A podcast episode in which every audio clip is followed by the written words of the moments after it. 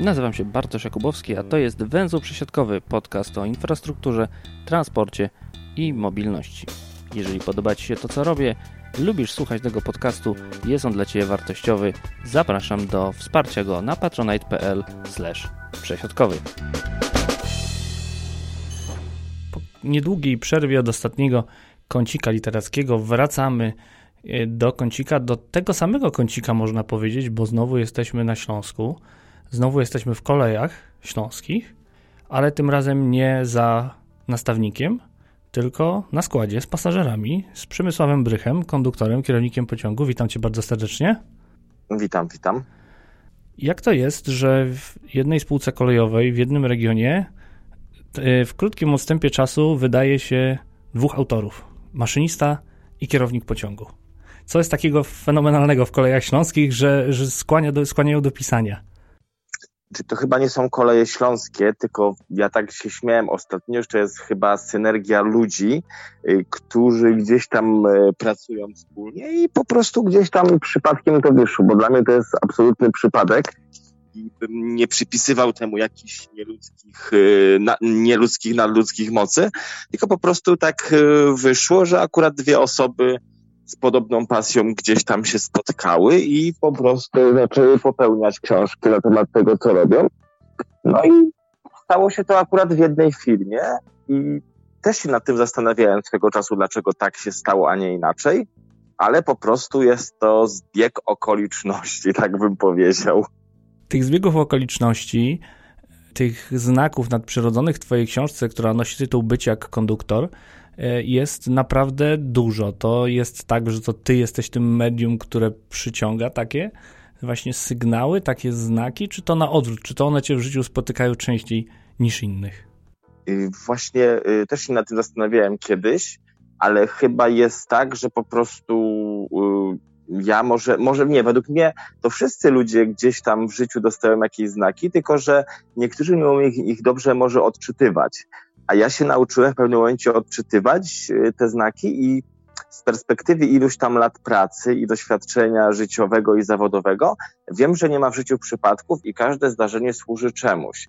Tylko, że trzeba umieć, że tak powiem, te zagadki, te rebusy życiowe y, rozwiązywać, tak? I te niby zbiegi okoliczności, które w efekcie końcowym nie okazują się zbiegami okoliczności. No ale jednak w Twoim życiu coś sprawiło, że zostałeś konduktorem, postanowiłeś opowiedzieć o tej drodze, jaką przebyłeś od, od nastolatka do dorosłego mężczyzny, który wszedł w kolej. I z jednej strony miałeś trochę tła, a z drugiej strony trochę w swojej książce, ja tutaj tak będę zachęcał i jednocześnie troszeczkę mhm. będę spoilował, jeżeli pozwolisz. Trochę mówisz o tej Oczywiście. drodze, jaką, jaką przebyłeś, żeby jednak trochę to tło, tą swoją historię odsunąć od siebie. I y, to chyba jest dość ciekawe, ponieważ no, z jednej strony jest to książka o kolei, a z drugiej strony jednak mhm. na początku no, czyta się to trochę jak taki thriller. To jak to było yy, no z tak. Przemysławem Konduktorem? Yy, tak. E, było tak, że ja na kolei nie chciałem pracować, że tak powiem, e, z tego powodu, że moi rodzice nie byli zbyt rodzicami i nie podobało mi się to z tej perspektywy, że nie chciałem być jak oni, chciałem tą kolej gdzieś tam zgonić na całkowicie boczny tor, w ogóle pójść w dziennikarstwo i być dziennikarzem, tak, bo kolej jest zła bo moi rodzice w jakiś tam sposób byli nieodpowiedzialni, źli, tak, i sepchnąłem ją, ale jednak się okazało, że, że ta kolej nie jest taka zła i że jednak gdzieś tam te zbiegi okoliczności, tudzież znaki dały mi możliwość pracy na tej kolei i jednak spełnienie, tak? I już tak powiem, na początku tej książki chciałem pokazać to, że to, że nas życie czasami prowadzi tak jak prowadzi, nie oznacza tego, że my czegoś y, bardzo chcemy, a że życie nie, nie ma wobec nas innego planu po prostu. No i tak było po prostu w moim przypadku, że mi życie nie dało zagrzebać tej kolejowej pasji, tak? Pierwszy odkrył ją tam kolega, który, że tak powiem, mnie w kolej bardziej wciągnął. Ja so u siebie odrodziłem tą pasję dziecinną do kolei, taką niewinną pasję, tak? Która potem przerodziła się w coś większego. No i później dzięki temu poszedłem do przodu. Dzisiaj jesteś kierownikiem pociągu w kolejach śląskich.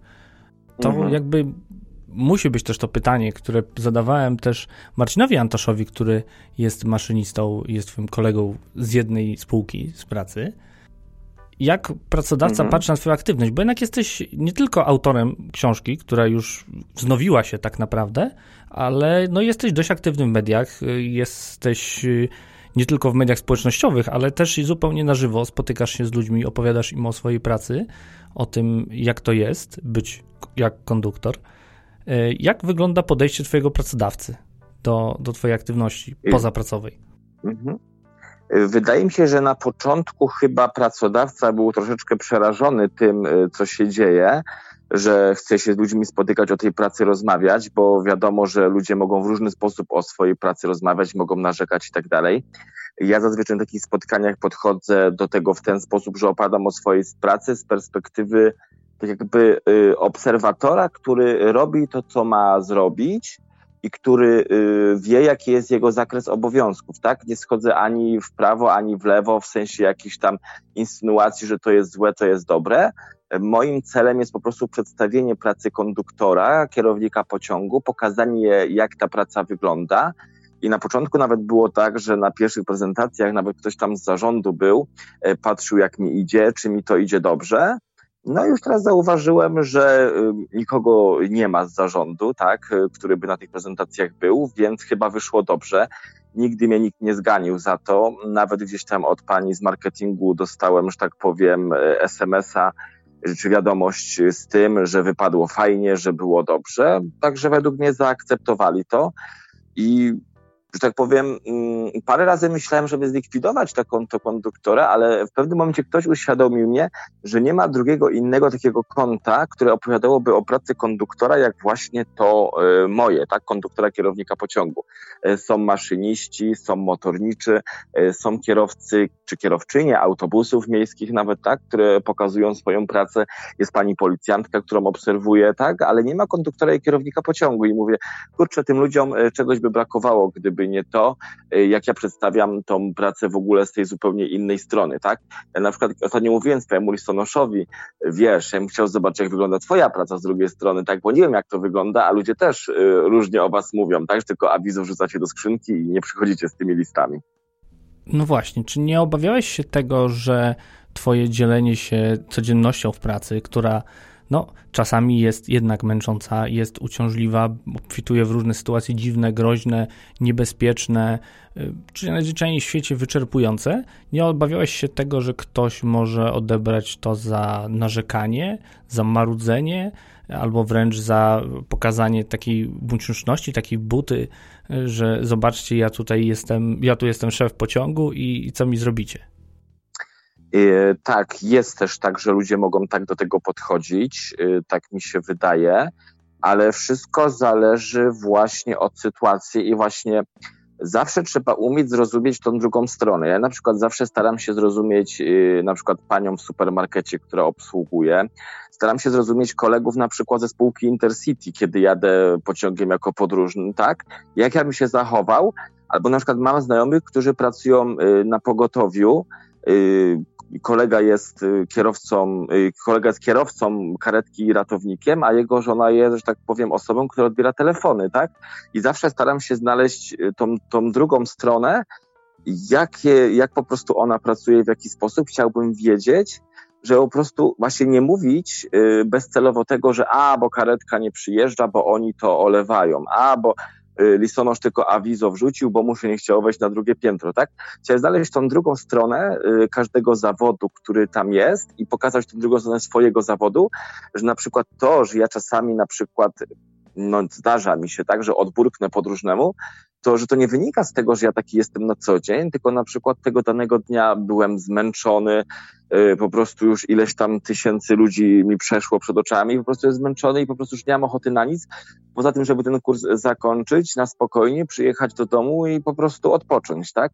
Więc yy, szukam takiego raczej chyba wzajemnego zrozumienia siebie, tak? Że podróżny zrozumiał mnie, ale żebym ja też z drugiej strony dzięki komentarzom ludzi zrozumiał podróżnego, bo komentarze osób, które piszą na moim profilu, dużo dają mi w tym kontekście, że ja jestem w stanie lepiej zrozumieć podróżnego jego potrzeby. I tak samo dużo mi daje też to, jeżeli ktoś mnie skrytykuje za sposób prowadzenia tego Facebooka, że coś jest nie tak, bo wtedy ja mogę przeanalizować swoją osobę z kontekstu jej wypowiedzi i też coś e, fajnego zabrać e, dla siebie. Więc to nie chodzi o bufonadę, tylko po prostu chodzi o obserwację dwóch stron i po prostu doskonalenie siebie, ale też z drugiej strony, żeby te osoby, które są po tej drugiej stronie, też doskonaliły także siebie. To spróbujmy znaleźć taki jeden mit, który w pracy konduktora udało ci się obalić w powszechnej e, świadomości. Konduktor bierze w kieszeń? Bez wypisywania? Nie, to akurat już, znaczy, y, to mitem nie jest, bo pamiętam ze starych czasów, że było to, że tak powiem, kiedyś był to problem, ale wydaje mi się, że jednym z takich mitów, który, y, który obalam cały czas, to to jest to, że ta praca y, nie jest przyjemnością podróżowania samą w sobie, tak? Czyli jeżeli ja zaczynam pracę o godzinie 6 rano i kończę ją o godzinie 18, to ja wychodząc z domu piękny, pachnący, wracam do domu też piękny, pachnący i wypoczęty, bo to jest tylko jeżdżenie y, pociągiem, tak? Więc na tym przykładzie mogę powiedzieć, że parę dni temu miałem taką zmianę dosyć napiętą, gdzie jechałem rano z Bielska Białej do Katowic. Tam miałem 15-minutowe przejście na pociąg do Oświęcimia i pociąg do Katowic już był y, spóźniony, no bo w Czechowcach jest przebudowa, tak? Więc już musiałem łapać po drodze opóźnienie, więc już musiałem po drodze łapać skomunikowanie w kierunku Warszawy, które w Tychach następowało i myśleć o tym. I załatwiałem to, i załatwiałem to. W międzyczasie była kontrola biletów, sprzedaż. Później w Katowicach po przyjeździe było przejście przez pociąg, sprawdzenie, czy nic nie zostało. Przesiadka na drugi pociąg do Oświęcimia, który był już spóźniony, który w Oświęcimiu też się obracał na krótko i wyjechałem już spóźniony do Katowic. I w Katowicach znowu miałem krótkie przejście na pociąg do Czechowic, który docelował do Wisły, ale jechałem nim do Czechowic i dopiero tam miałem godzinę, że tak powiem, przerwy, przed powrotem e, do Katowic. Więc od godziny 6 do godziny 11 była to jedna wielka gonitwa, jedno wielkie myślenie. E, jeszcze jechałem sam cały czas, e, więc trochę energii już tam straciłem. No i później do Katowic było w miarę normalnie, a później od Katowic już były znowu godziny szczytu i znowu tej godziny 15 jeździłem cały czas na wysokich obrotach, więc to nie jest tak, że my wracamy y, z pracy właśnie wypoczęci, pachnący, tylko jesteśmy zmęczeni, może nie tyle fizycznie, chociaż czasami też się to zdarza, ale psychicznie i po prostu psychicznie, tak? Ale to czasami nawet y, zmęczenie psychiczne wpływa także na zmęczenie fizyczne, więc to jedno z drugim działa, więc to nie jest tak, że my tylko sobie podróżujemy, jesteśmy wypoczęci. Zresztą jeżeli ktoś tak sądzi, to niech wsiądzie w pociąg relacji Przemyśl-Szczecin, tak, w Przemyślu i niech wysiądzie po tych nastu godzinach w Szczecinie i po prostu jak on się będzie czuł po tej całodziennej jeździe pociągiem. A ty go siedząc, prawda, ewentualnie idąc do Warszawy albo przechodząc się po korytarzu. Człowiek jest zmęczony samą podróżą, tak? A my tu jeszcze poza tym jeżdżeniem musimy robić multum innych y, rzeczy, których statystyczny podróżny nie zauważa. I właśnie ja u siebie także pokazuję to, co my robimy, y, czego normalny podróżny czasami nie widzi. A nie obawiasz się czasami niezrozumienia, bo jednak ten język kolejowy, te przejścia na krótko, obiegi, y, wiele innych słów, które kolejarze używają na co dzień i dla osób w branży są powszechnie znane, dla podróżnych czasami są taką barierą, że ten podróżny otwiera szeroko oczy i pyta o co chodzi. Nie boisz się czasem, y, albo czy ktoś ci zwraca na to uwagę, że czasem przez ten kolejaryzm ludzie nie wiedzą o co chodzi. Albo czy na odwrót, czy podróżni uczą się kolejaryzmów i sami potem je powtarzają? Może tak jest. Y, nie, podróżni nie uczą się kolejaryzmów, ale ja czasami staram się u siebie na profilu te kolejaryzmy przekładać z kolejaryzmów właśnie na polski. Nie zawsze mi się to udaje, bo akurat w rozmowie z tobą powiedziałem właśnie krótkie przejście, obiegi i tak dalej, ale wynika to z tego, że było mi tak łatwiej powiedzieć w tym momencie, ale jeżeli miałbym pisać o obiegach na przykład na, yy, na Facebooku, to bym napisał, na przykład kiedyś już pisałem chyba nawet taką frazę, y, całodzienna obsługa y, pociągów, tak? Y, całodzienna obsługa pociągów przez dany tabor kolejowy, że po prostu pociąg jeździ między stacjami tutaj, tutaj, tutaj, bo dla takiego człowieka jest właśnie łatwiej zrozumieć coś takiego. Ja na przykład też musiałem się bardziej wgryźć, kiedyś chcąc się na przykład dowiedzieć, co to jest brygada, na przykład na autobusach, tak? Tylko, że ja się chciałem z własnego zainteresowania, a podróżni, że tak powiem, podróżny łatwiej jest zrozumieć na przykład ciąg przyczynowo-skutkowy opóźnień, jeżeli na przykład powie się mu, że ten pociąg jest spóźniony jadąc z powrotem z Żywca do Katowic, bo był spóźniony na przykład 40 y, minut jadąc już do Żywca, a w Żywcu było tylko 20 minut, żeby ten pociąg przeszedł na ten pociąg powrotny do Katowic, który był zaplanowany właśnie w dziennym y, planie obsługi pociągów, tak, a nie obiegu. Więc według mnie to już, że tak powiem, zupełnie inaczej przemawia do człowieka i człowiek jest to w stanie sobie w jakiś sposób może wyobrazić, albo zrozumieć, tak? Wiadomo, że nie uzdrowię świata, ale chciałbym, żeby ludzie na temat tej kolei wiedzieli trochę więcej, jakie są y, te mechanizmy i jak to po prostu wygląda. Nie myślałeś kiedyś czasem, że pasażer, mówię tutaj tak z czystej przechory, że nie chce mhm. wiedzieć, jak ta kolej działa, że po prostu chciałby kupić ten bilet, usiąść, dojechać i nie dowiadywać się, na czym polega skomunikowanie, przejście na iluś minutach i takie rzeczy. Trochę czasami mam wrażenie też kolej chce bardzo poinformować pasażera i to jest dobre, ale czasami mam wrażenie, że ta pójście w informacje przekracza trochę momentami y, zdolności pojmowania człowieka, nawet nie tyle zdolności, co chęci, bym powiedział. Czy nie masz takiego trochę wrażenia, że czasem tych informacji jest, jest za dużo i ten człowiek tak też zastanawia się i czy ja muszę to wszystko wiedzieć? jest tych informacji za dużo, zgodzę się z Tobą, ale wynika to z tego, że ludzie w pewnym momencie do kolei się bardzo zrazili i według mnie zrażają się dalej, bo według mnie na przykład y, projekt y, plakatowego rozkładu jazdy, który jest, dla mnie jest czytelny, tak? Ale dla iluś tam procent osób ten rozkład jazdy plakatowy nie jest czytelny i według mnie trzeba zmienić nastawienie do człowieka, żeby po prostu trochę prościej mu właśnie pokazywać takie rzeczy, jak na przykład skomunikowanie albo rozkład jazdy. Czasami staram się to zrobić yy, i mam nadzieję, że wychodzi mi, ale czasami chciałbym, żeby tak też systemowo podchodzono do tego, żeby po prostu przekazywać to w prostszy sposób. Na przykład teraz jestem ciekawy, w jaki sposób Y, wybrniemy z tego, że będą jeździły pociągi z Katowic do Wisły i będzie skomunikowanie po drodze w Skoczowie na pociągi do Cieszyna. I mam nadzieję, że będzie to pokazane właśnie w taki sposób, żeby tych podróżnych zachęcić do podróżowania koleją, i żeby oni nie musieli nad tym myśleć, że się przysiadają właśnie w Skoczowie na pociąg do Cieszyna, tylko będzie to pokazane w taki sposób, żeby po prostu oni mogli do tego celu dojechać i że wiedzieli, że ta przysiadka jest zagwarantowana. To jest po prostu obalenie kolejnego mitu z lat 90., który y, niestety ciąży na kolei do dzisiaj, że pociągi na stacjach yy, węzłowych nie czekają na siebie. Nawet wczoraj miałem taką sytuację właśnie, że jechałem do Żywca o 20.28 jechała pani, która chciała kupić bilet do Bielska Białej, a pani zanim się pytała, yy, za nią się pytała, czy, czy będzie pociąg do Cieszyna czekał w Czechowicach, skoro myśmy wyjechali spóźnieni 10 minut. Ja mówię, tak, będzie czekał, bo ja już dzwoniłem, że jest ileś tam osób na przesiadkę. A pani do mnie, a to te pociągi zawsze czekają na siebie, dlatego chciała do Bielska, bo się okazało, że pani jechała do Bielska, tak? Czyli po prostu ludzie boją się tych przesiadek i według mnie to jest właśnie jeden z takich mitów, który powinien pójść w zapomnienie, bo ja widzę, że z komunikowania całkiem fajnie dla mnie się na przykład je organizuje, tak? Zadzwonię, powiem, że jest tyle i tyle osób i ten pociąg faktycznie czeka, a ludzie po prostu w to nie wierzą. No cóż, no jak sam powiedziałeś, to jest kwestia wielu lat praktyki, tej przykrej praktyki, w której tych skomunikowań nie było i w nie której było. no jednak mogli się zrazić i nie tylko, że to była kwestia czy informacji, ale jest kwestia samego tego, że po prostu nie byli w stanie y, dotrzeć do celu.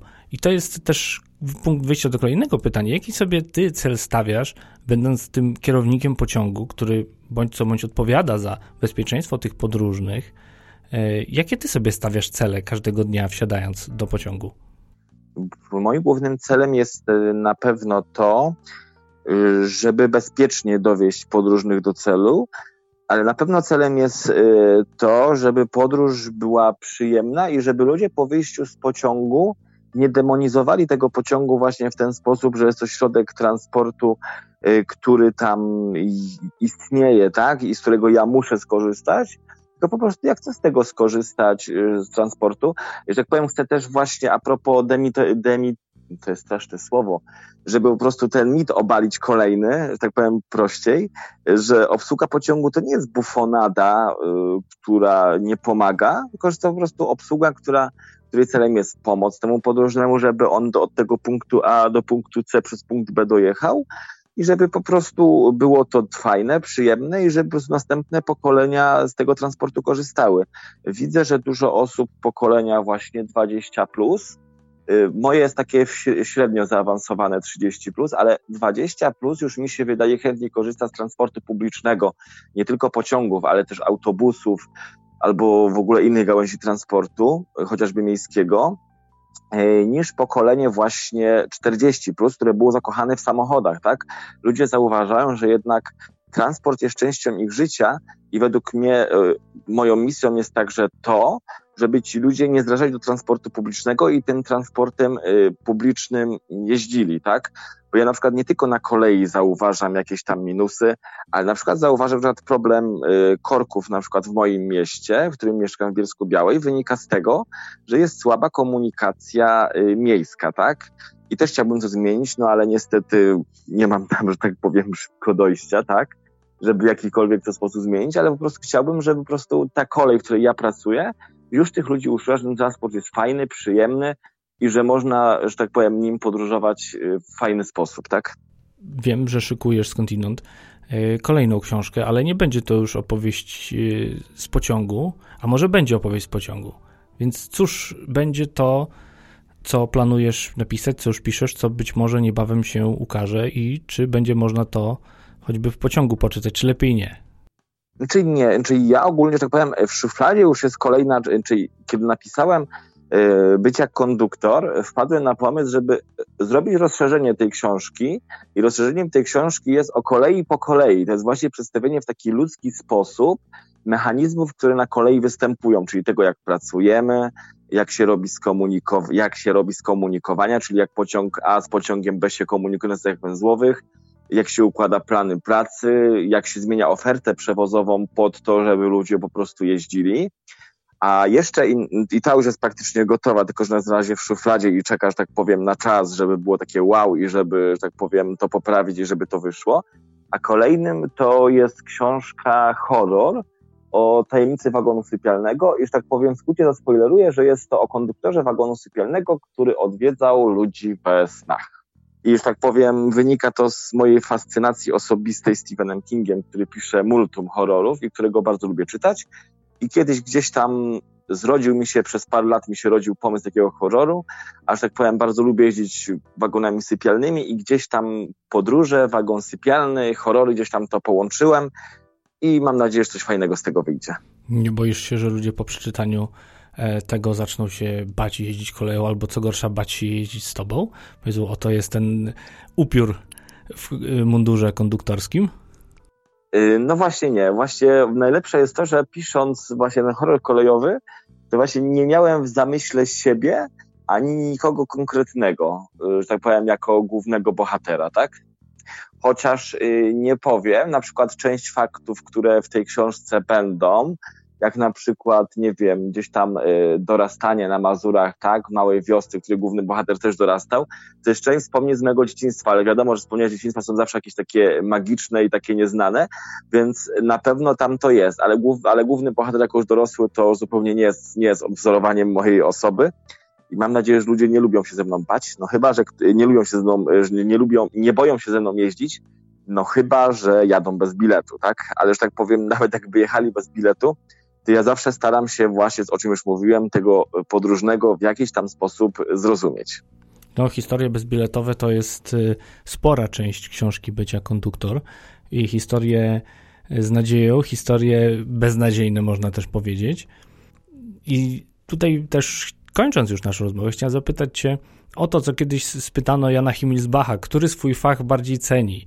No więc, który ten fach bardziej cenisz? Ten fach pisarski czy ten fach kolejowy?